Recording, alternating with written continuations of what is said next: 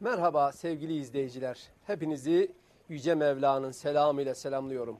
Allah'ın selamı üzerinize olsun. Sevgili izleyiciler, Ramazan Sohbetleri adı altındaki bu programımızda Kur'an sünnet ilişkisinden bahsedeceğiz. Kur'an insanlara yol gösterici yegane kaynaktır. Sünnet de yine aynı şekilde Kur'an açıklanmasında, Kur'an'da olmayan bazı hükümlerde, bazı konularda hüküm koyma açısından bizlerin delil kaynaklarıdır. Sevgili hocam, tabi Kur'an sünnet ilişkisi çok tartışılan. Özellikle e, bazı kesimce Kur'an varsa sünnete ne gerek var diyen bir grup var. Hatta sünneti tamamen sınırlandıran, dar kalıplar içine sıkıştıran bir grup var. Tabi Kur'an, sünnet kaynak olarak bizim şer'i delillerimizden. Kur'an, sünnet, icma, kıyas. Tabi bunlarla ilgili yetkili birisi olarak sizden bilgilenmek istiyoruz. Estağfurullah. Teşekkür ediyorum. Ben de sevgili kardeşlerime feyizli, bereketli saatler geçirmelerini Rabbimden ihsan etmesini niyaz ediyorum. Tabi Ahmet Bey bu bu çok çok önemli ve doğrusu doğru ağızdan mutlaka bilinmesi gereken çok hayati bir konu. Kur'an sünnet ilişkisi. Şimdi bizi günlerdir bu ekranlardan izleyen kardeşlerimiz eğer başından beri izleyebilmişlerse ve bundan sonraki programlarla da gözlemleyecekleri üzere şöyle bir izlenim edinmiş olabilirler. Şahsen ben dini anlatırken önce Kur'an'dan başlamanın zorunluluk olduğuna inanıyorum ve kendi duruşumu böyle belirliyorum. Ancak bunu yaparken iddiamız hiçbir şekilde şu değil. Yani sadece Kur'an var, başka hiçbir şey yok. Biz bunu zinhar söylemeyiz. Çünkü eğer peygambere ihtiyaç yoksa, peygamberlik kurumuna ihtiyaç yoksa, Kur'an'ın kime gönderildiği sorusu cevapsız kalacaktır. Kur'an bir insanın hayatında uygulanabilen esaslar bütünü olduğu için bütün peygamberlere gönderilen mesajlar örneği Hazreti Peygamber'e de gönderilmiştir. Peygambersiz din olmaz. Peygambersiz din arayışına girmek vahyin yaşanabilir olduğunu inkar etmek demektir. Peygambersiz ise o zaman teorik bir takım bilgilerden ibaret kalır. Pratiği olmayan, uygulaması olmayan bir kabuller bütünü olarak e, bir kenarda durur. Uygulayanı olursa ne ala, uygulamazsa da uygulamaz vesaire. Böyle anlaşılması sıkıntılı bir görüntü ortaya çıkar. Fakat bu arızanın bir bölümü. Hani Hazreti Peygamber'i e, bazı ilim adamlarının söylediği gibi böyle ara kablosu gibi görme anlayışı vardır. Yani o ara kablosu sadece iletken vazifesi görür. Başka bir başka bir etkisi yoktur. Ee, ama Kur'an-ı Kerim'in Hazreti Peygamber'e yüklediği bir misyon var. Mesela Hazreti Peygamber'e en güzel örnek adını vermiş. لَقَدْ كَانَ لَكُمْ فِي رَسُولِ اللّٰهِ üsvetun hasenetun. Güzel örneklik Hazreti Peygamber'in hayatında ortaya konacak. Hazreti Pey Peygambersiz böyle bir örnekliği anlamanın imkanı ihtimali yoktur. İslam tarihi içerisinde böyle peygambersiz bir din anlayışı diye nitelendirebileceğimiz bir takım akımlar olmuş. Fakat sorun sadece bunlarla sınırlı değil. Bu sorunun başka bir ayağı daha var. O ayak da Hazreti Peygamber'in bir insan olduğunu unutarak onun bir insan olarak hani bir Arap olarak bir baba olarak bir eş olarak, bir vatandaş olarak, bir komutan olarak, bir devlet yetki başkanı olarak hayatında yaptığı bir takım davranışların tamamının din olduğu zannı da toplumda önemli bir kabul halini almış. Şimdi mesela bu ne demek istiyorum? Gayet açık bir şekilde söyleyeyim bakın. Bir takım örneklerden giderek e, ifadeye gayret edeceğim. Mesela Hazreti Peygamber diyelim ki günün belli saatlerinde esniyordu. Esneyebilir. İnsan. O saatte herkesin esnemesi gerekmez. Belli bir saatte yemek yiyordu. Herkesin o saatte yemek yemesi gerek. Bunlar bir peygamberin peygamberliğinden kaynaklanan uygulamalar değillerdir. Bunlar onun insan olmasının doğal sonucu olarak ortaya koyduğu pratiklerdir. Onları da onları da din gibi algılamak Hazreti Peygamberi insan olmanın ötesine iten bir anlayışın doğmasına neden olmuş. Sorumluluk da artıyor. Efendim şimdi öyle öyle öyle anlaşılmaz kabuller var ki mesela şimdi diş temizliği di- diş temizliği Peygamberimiz dişlerin temizlenmesi tavsiyesinde bulunmuş. Son derece doğru bir tavsiye. Son derece yararlı, anlaşılabilir bir tav- tavsiye. Fakat temizlenmeni tavsiye etmiş. Temizlenen ağacın adıyla meseleyi sınırlı tutmamış. Misvak o diş temizleme işleminin ve Aracı. o işteki işte o ağacın o işteki adı. O ağacın asıl adı o değil. Evet.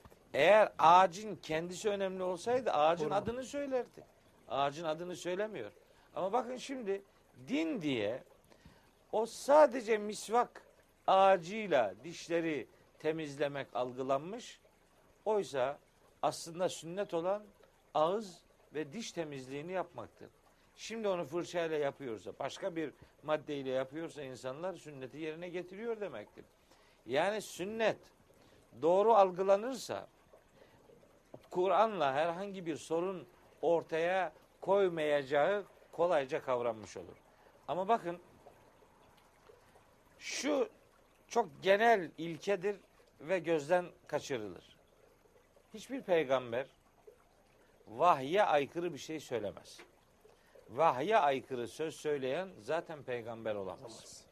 Şimdi Kur'an-ı Kerim'e aykırı Hazreti Peygamber'in bir şey söylemesi uyarıldığı konularda mümkün değildir. Ancak peygamber de bir insandır ve o insan olma özelliğiyle zaman zaman hatalar yapmıştır. Hatalar yapmıştır Ama ve o hatalar düzeltilmiştir.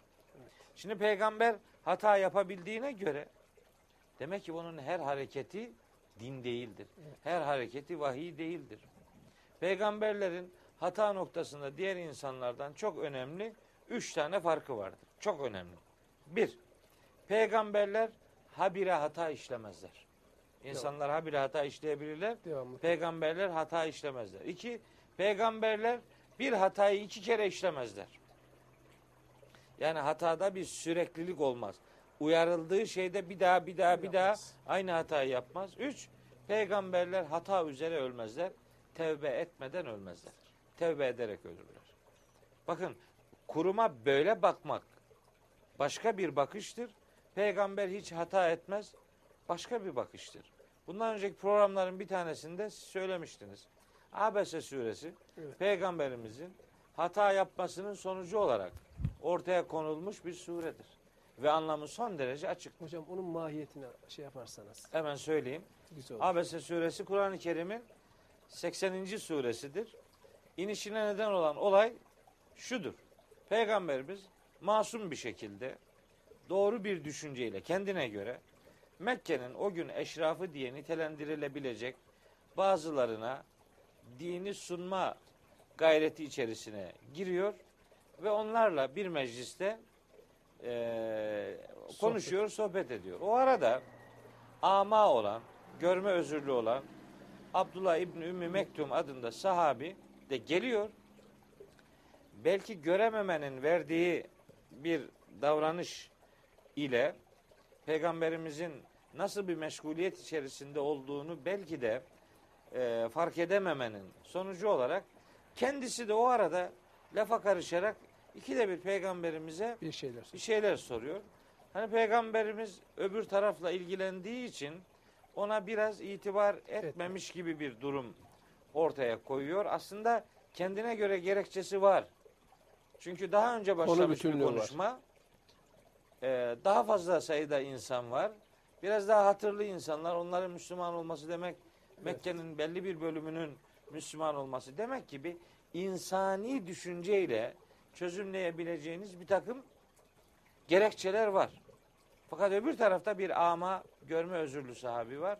O soru sormak üzere geliyor. Ama peygamberimiz ona itibar etmiyor. Bakın Cenab-ı Hak bu itibarsızlığı Uyar. çok ciddiye alıyor ve koskoca Abese suresi adını dahi bu itibar eksikliğinden alıyor. Abese yüzünü ekşitti ve tevella sırtını çevirdi. En ca'ehul ama ama bir sahabi yanına geldi diye. Ve ma yudrike leallehu yezzekka. Sen nereden biliyorsun? Belki o arınacak. Ev yezzekkeru veya öğüt alacak da fetenfa'ahu zikra. Öğüt ona yarar verecek. Ne biliyorsun da ona yönelmiyor, başkalarına yöneliyorsun?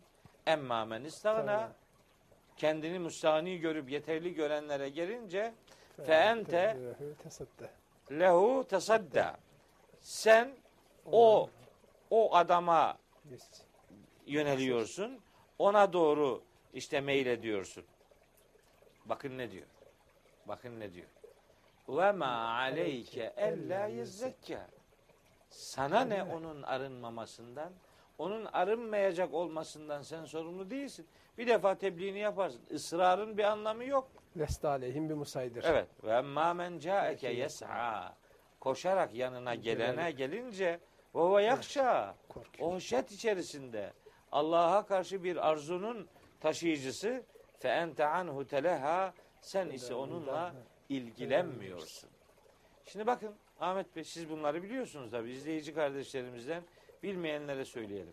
Bunlar aferin iyi yaptın demek değildir. Bunlar bir peygamber bile olsa kendine göre gerekçeleri bile olsa o gerekçe hakka göre doğru değilse o bile uyarının konusudur. Hocam şu sure hakikaten bak gerçekten hiçbir şey anlatmaya gerek yok. Evet. Bu doğrunun her zaman, her yerde, her platformda kırmadan, harabe haline getirmeden anlatılmasını da tavsiye ediyor bu. Şurada. Tabii. Yani biz tabiri caizse maalesef bazen doğruları söylemekten imtina eder gibi bir halimiz E, var. maalesef. Yani şu hiçbir şey anlatmaya gerek. Şu Abese suresini tefsirine bakan insan Hazreti Peygamber'in şu anki durumunu gözden geçirdiğinde gerçekten ibret alıp tamamen Kur'an'a sarılması, Tabii. büyük bir edeple onu alıp içten, canı gönülden anlayacak bir şekilde okuması bir başlangıç olacaktır. Tabii. Şimdi bakın bu ayetler ne bildiriyor biliyor musunuz? Peygamber gaybı bilmiyor. Bak diyor ki ona ve ma yudriki. Sen nereden biliyorsun? Evet. Leallehu leallehu yezzekka belki o Arınacak. arınacak. Bak insan Muhammed'den söz ediyor. Evet. İnsan. İnsanca düşünüyorsun. Bir taraftan bakıyorsun ve hata yapıyorsun. Eğitim ilkelerini veriyor bu. İnsan etraflı bakmak zorundadır. Evet. Geniş. Herkese Evet. yönelik bu dinin öğretici ilkeleri vardır. İşte mesela bu sure, başka sureler de var. Bundan önceki programların birinde ifadeye gayret etmiştim. Tahrim suresi yine peygamberimizin kendi başına Evet. kendine haram kıldığı Kıldı. bir bal şerbeti içmesiyle alakalı Evet. uyarıcı bir mesajla gelmiştir. Tevbe suresinde var gene savaştan kaçmak için izin isteyenlere izin vermesiyle ilgili peygamberimizi uyarıyor Yüce Allah. Afallahu anke. Allah seni affetsin. Lima ezinte lehum. Niye onlara izin verdin? Hatta yetebeyyene lekellezine sadaku ve ta'lemel kazibin. İçinde doğru söyleyenlerle yalancıları tam bilip ayırt edinceye kadar niye kendi başına izin verdin diye uyarı. Bakın ama bakın bunlar bunlar böyle bir elin parmakları kadar Evet. da olsa peygamberin hata yapabileceğini gösterir fakat habire hata yaptığını göstermez. Aynı hatayı iki kere, üç kere, beş kere yaptığını da göstermez. Ama eksikler hemen tespit ediliyor Tabii, ve hemen müdahale düzeltiliyor. yapılıyor. Evet. Onun iki kere bir hatayı yapmaması demek peygamberin hemen vahiy ile düzeltilmesi demektir. Hocam bu aynı zamanda Kur'an'da yani eksikliğin olmadığını herhangi bir eksikliğe mahal bırakılmadığına da bir işarettir. Tabi peygamberimizin davranışlarında eğer bir yanlışlık varsa, Evet. eğer bir rotaya e, yanlışlığı varsa hemen düzeltici vahiy geliyor. Evet. O vahiylerle Kur'an şekilleniyor ve tamamlanmış bir din diye insanlara sunuluyor. Şimdi mesela işte programın başında ifade ettiğiniz konuyla yeniden ilişkilendirelim. Peygamberimizin kul yönü var. Kul, insan, beşer. Beşer yönü. İnnemâ ene beşerun mislikum. Kaç defa onu Cenab-ı Hak ona söyletiyor. Evet. Ben sizin gibi bir insanım. Ha farkım vahiy geliyor. Gelen vahye o da uymak zorundadır. İn ettebi'u illa ma yuha ileyye. Ben bana vahyolunana tabi olurum. Başkasına değil. Kendi hevasına tabi olamaz. Kendi arzusuna göre hüküm filan belirleyemez. Onun belirlediği hükümler Kur'an'da vahyin ona öğrettiği esaslardır. O itibarla Hazreti Peygamber'in davranışlarının sünnet adını alabilmesi o davranışların peygamberimizin yaptığı kesin olan davranışlar olması lazım. Bakın şimdi rivayet diye hadis diye ortaya konan bir takım kabullerin peygambere ait olması son derece problemli sonuçlar meydana getirecek rivayetler var. Sahih Bu olmayan- rivayetlerde bir tane ölçü kullanılmak zorundadır. En vazgeçilmez ölçü rivayetlerin eğer peygamberden geldiği iddia ediliyorsa o rivayetlerin Kur'an'a arz edilmesi metodudur. Çok pratik bir örnek vereyim. Bir hocamdan dinlemiştim. Mesela evde bir adamın hanımı dese ki eşine bir çocuk dünyaya getirdim bu çocuk sendendir dese eşine. Adam da kuşku duysa acaba acaba benden midir diye bir kuşku duyabilir. E kadın başka şahit getirecek hali yok ama işte nüfus kağıdını da gösterse başkaları da bu çocuk senindir dese bile şüphe duyan adam bir şey yapar. Der ki şimdi bugün için söylüyorum ben bunun DNA testini yaptıracağım. İstiyorum, evet. Şimdi ben bunun DNA testini yaptıracağım diyen adama eğer eşi hayır yaptıramazsın derse Tabii. o çocuk iftira çocuğu olur, olduğu anlaşılır. DNA testi isterim. Ben başka başka sözlere itibar etmiyorum. Diyen adam DNA'yı yaptırır ve kendi gönlünün rahat etmesini sağlar. Bakın Ahmet Bey, buradan size ve ekranlarında bizi seyreden herkese söylüyorum. Din adına Kur'an dışında sözü edilen her ne varsa onların DNA'sının yapılacağı laboratuvar Kur'an laboratuvarıdır. Rivayetler eğer peygamberimize aitse onlar bu kitaba uygundur. Bu kitaba uygun olmayan, bu laboratuvardan geçmeyen rivayetler peygamberimize ait olamaz. O itibarla o ait olduğu iddia edilen ama Kur'an aynasına vurulduğunda sırıtıp yanlış olduğu, uydurma olduğu ortada bulunan pek çok örnek rivayet elimizde vardır. O itibarla ne mutlu ki elimizde hiç değişmeyen Allah'ın kitabı var ve bu kitaba insanlar hiçbir şekilde müdahalede bulunamamışlardır. Bu kitap dinin ana ilkelerini ortaya koyan, hayatın belli kilometre taşlarını sarsılmayacak şekilde ortaya koyan ve bozulmamış bozulmamışlığıyla da önümüzde sapasağlam duran bu kimliğiyle Kur'an-ı Kerim'in aydınlığında sünneti de doğru anlayabilmenin daha mümkün olduğunu düşünüyorum. Biraz daha iddialı bir cümle söyleyeyim.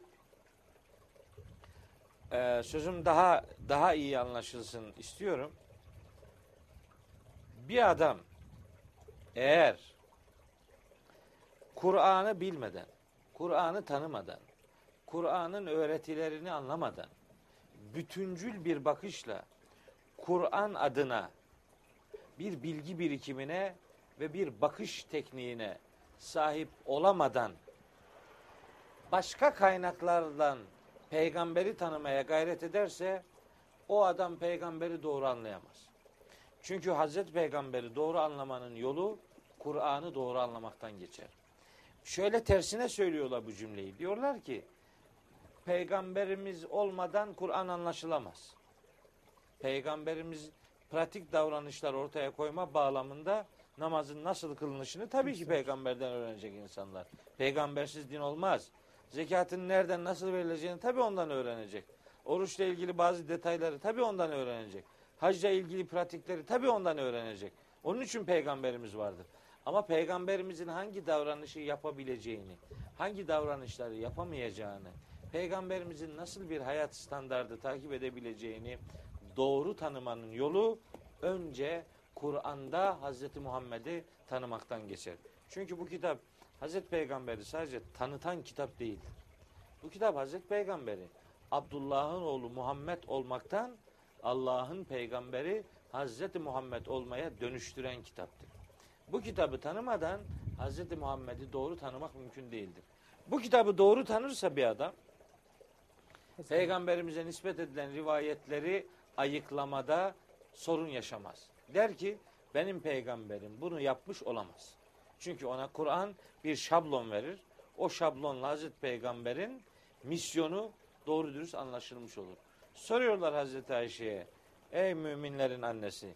Peygamberin ahlakı nasıldı? Cevap net. Kur'an okumuyor musunuz? Kâne hulukuhu hulukal Kur'an. Onun ahlakı Kur'an ahlakıydı. Hazreti Peygamber gezen Kur'an'dı. Hazreti Peygamber'e nispet edilen rivayetlerin herhangi biri hiçbir şekilde Kur'an'a aykırı olamaz, olmamalıdır. Rivayetlerin Kur'an'a aykırı olup olmadığını tespitte vazgeçilmez metot o rivayetlerin Kur'an laboratuvarında tahlil edilmesidir. Rivayetler bu laboratuvarda tahlil edilirse rivayetlerin güvenilir olup olmadığı gün gibi ortaya çıkacaktır. Evet hocam ağzınıza sağlık. Tabi Kur'an'ın anlaşılmasında sünnetin yeri. Sünnet Kur'an'da olmayan bazı konularda da hüküm koyma yetkisine sahiptir. Yani Hazreti Peygamber Kur'an'da olmayan ama uygulanması gerekli olan vahiy yoluyla almış olduğu konularda hüküm koyma yetkisine sahiptir. Ve ma estağfirullah ve ma atakumur rasulü fehuduhu ve ma nehakum anhu fentehu ayetinde olduğu gibi. Bu şeyle ilgili hani denizden ki balıklarla ilgili. Ganimetlerle alakalı. ilgili. Evet. Şimdi tabii Haşr suresinde orada orada anlatılan konu ganimetlerle alakalı. Ahmet Bey bakın şunu şunu çok net bilmek lazım. Peygamberimizin kendisinin vahye yani Kur'an vahyine dayalı olarak söylediği şeyler onun Kur'an'dan anladığı şeylerdir. Ve onlar doğru anlayışlardır. Evet. Doğrudur. Ama bizim din dediğimiz şey mahza Allah'a aittir. Evet. Asıl. Dinin kendisi Allah'ındır. Öbür peygamberimizin uygulamaları elbette çok değerlidir. Milyonlarca insan bir işi yapsa, karşısında Hazreti Muhammed başka bir iş yapsa, ben elbette Hazreti Evet. Muhammed'in yaptığı işi tercih ederim. Ama onun yaptığı eğer vahiy ile destekli değilse ona din değil, peygamberimizin bu dini algılama biçimi ismini veririz. Dolayısıyla bizim peygamberimizin uygulamalarını dışlayıcı bir mantık içerisinde peygamberi doğru anlamanın mümkün olmadığı sözümüz daha net bir şekilde kavranmış olur. Bizim derdimiz Kur'an'ın Hazreti Peygambersiz hayatta tatbik edilemeyeceğini bilmektir. Evet. Çünkü bu kitabı o yaşadı. Evet. O o devrede olmadan dinin pratiğini kavrama noktasında sıkıntı çekeriz. İlkemiz şudur. Onun pratikleri ya da sözleri Kur'an'a uygunsa. Kur'an'a uygun olmak zorundadır. Evet. Eğer bir söz ya da bir pratik peygambere nispet ediliyor da Kur'an'a aykırı bir görüntü arz ediyorsa Onun sözü o değil. söz ve davranış onun değildir. Onu ona biri yamamıştır, nispet etmiştir. Hocam tabii özellikle dini iyi bilmek tabii bu hatalardan insanı uzaklaştırıyor. Hazreti Peygamber'in özellikle men kezebe aleyye müteammiden felyetebevve mak'adehu binen nar. Evet. Kim benim adıma benden çıkmadığı halde, benden sadır olmadığı halde bir rivayette bulunursa cehennemdeki yerini, koltuğunu hazır bulsun diyor. Tabii özellikle Niye demiş bunu? Tabii o- bu özellikle Niye? bu alana bu alanda söz sarf etmeyi engellemek için Ya, söylemiş. elbette. Şimdi hocam tabii elbette doğruyu bulmak için her müminin her mümin üzerine düşen görevi hakkıyla yerine getirmek durumundadır. Şimdi öyle bir anlayış var ki hadisi tamamen yok sayanlar olduğu gibi sahih mevzu Ayrımı veyahut da yapmadan. garip ayrımı yapmadan olduğu gibi kabullenenler var. İşte bir ifrat ve tefrit Tefrit. ya da aşırı yüceltmeci, aşırı indirgemeci anlayışlar türemiş maalesef. İtidal elden bırakılmış. Şimdi diyorlar ki mesela hadisler yazılmamıştır. Yazılsaydı bu olmazdı. Yani hadislerdeki bu sahih mevzu, garip, hasen hadis olayı olmazdı diyorlar. Kur'an yazıldığı için korunmuştur. Evet. Tabii şimdi hocam şu var. Tabii Kur'an'da bazı emirler var ki Hazreti Peygamber uygulanmasaydı anlaşılması mümkün değildi. Mesela namazın rekatları. Kur'an'da beş vakit namaz emredilmiştir. Fakat kılınışı tatbik Hazreti Peygamber tarafından Evet. bir fiil yapılmıştır. Abdest hakeza yani sünnet olarak diyorum mesela e, ağza burnuna su vermek. Dört farzı şeyde var zaten. Evet. Vereceğim diye. Evet. Şimdi zekat yine hakeza. Şimdi böyle olunca tabi az önce belirttiğiniz şekliyle Kur'an'ın ruhuna aykırı olmayan, Kur'an'a uygun olan sünnet, Başımızın re'si ama Kur'an'a uygun olan, Kur'an'ın ruhuyla tenakuz veyahut da tezat teşkil etmeyen o da zaten Bizim kabulümüz. kabulümüzdür. Bir Ama zıttı, yok. zıttı zaten dediğiniz gibi İsrailiyattır. Tabiri caizse Müslümanlar arasındaki hakikati, birliği, dirliği bozarak çatışma meydana çıkartmaktır. Bir de hocam işin en kötüsü Müslümanın Müslümana böyle saldırması çok kötü bir olay. E yani şimdi mesela rivayetler karşısında biraz seçici olanlar işte mesela sünneti inkar etmekle suçlanıyorlar.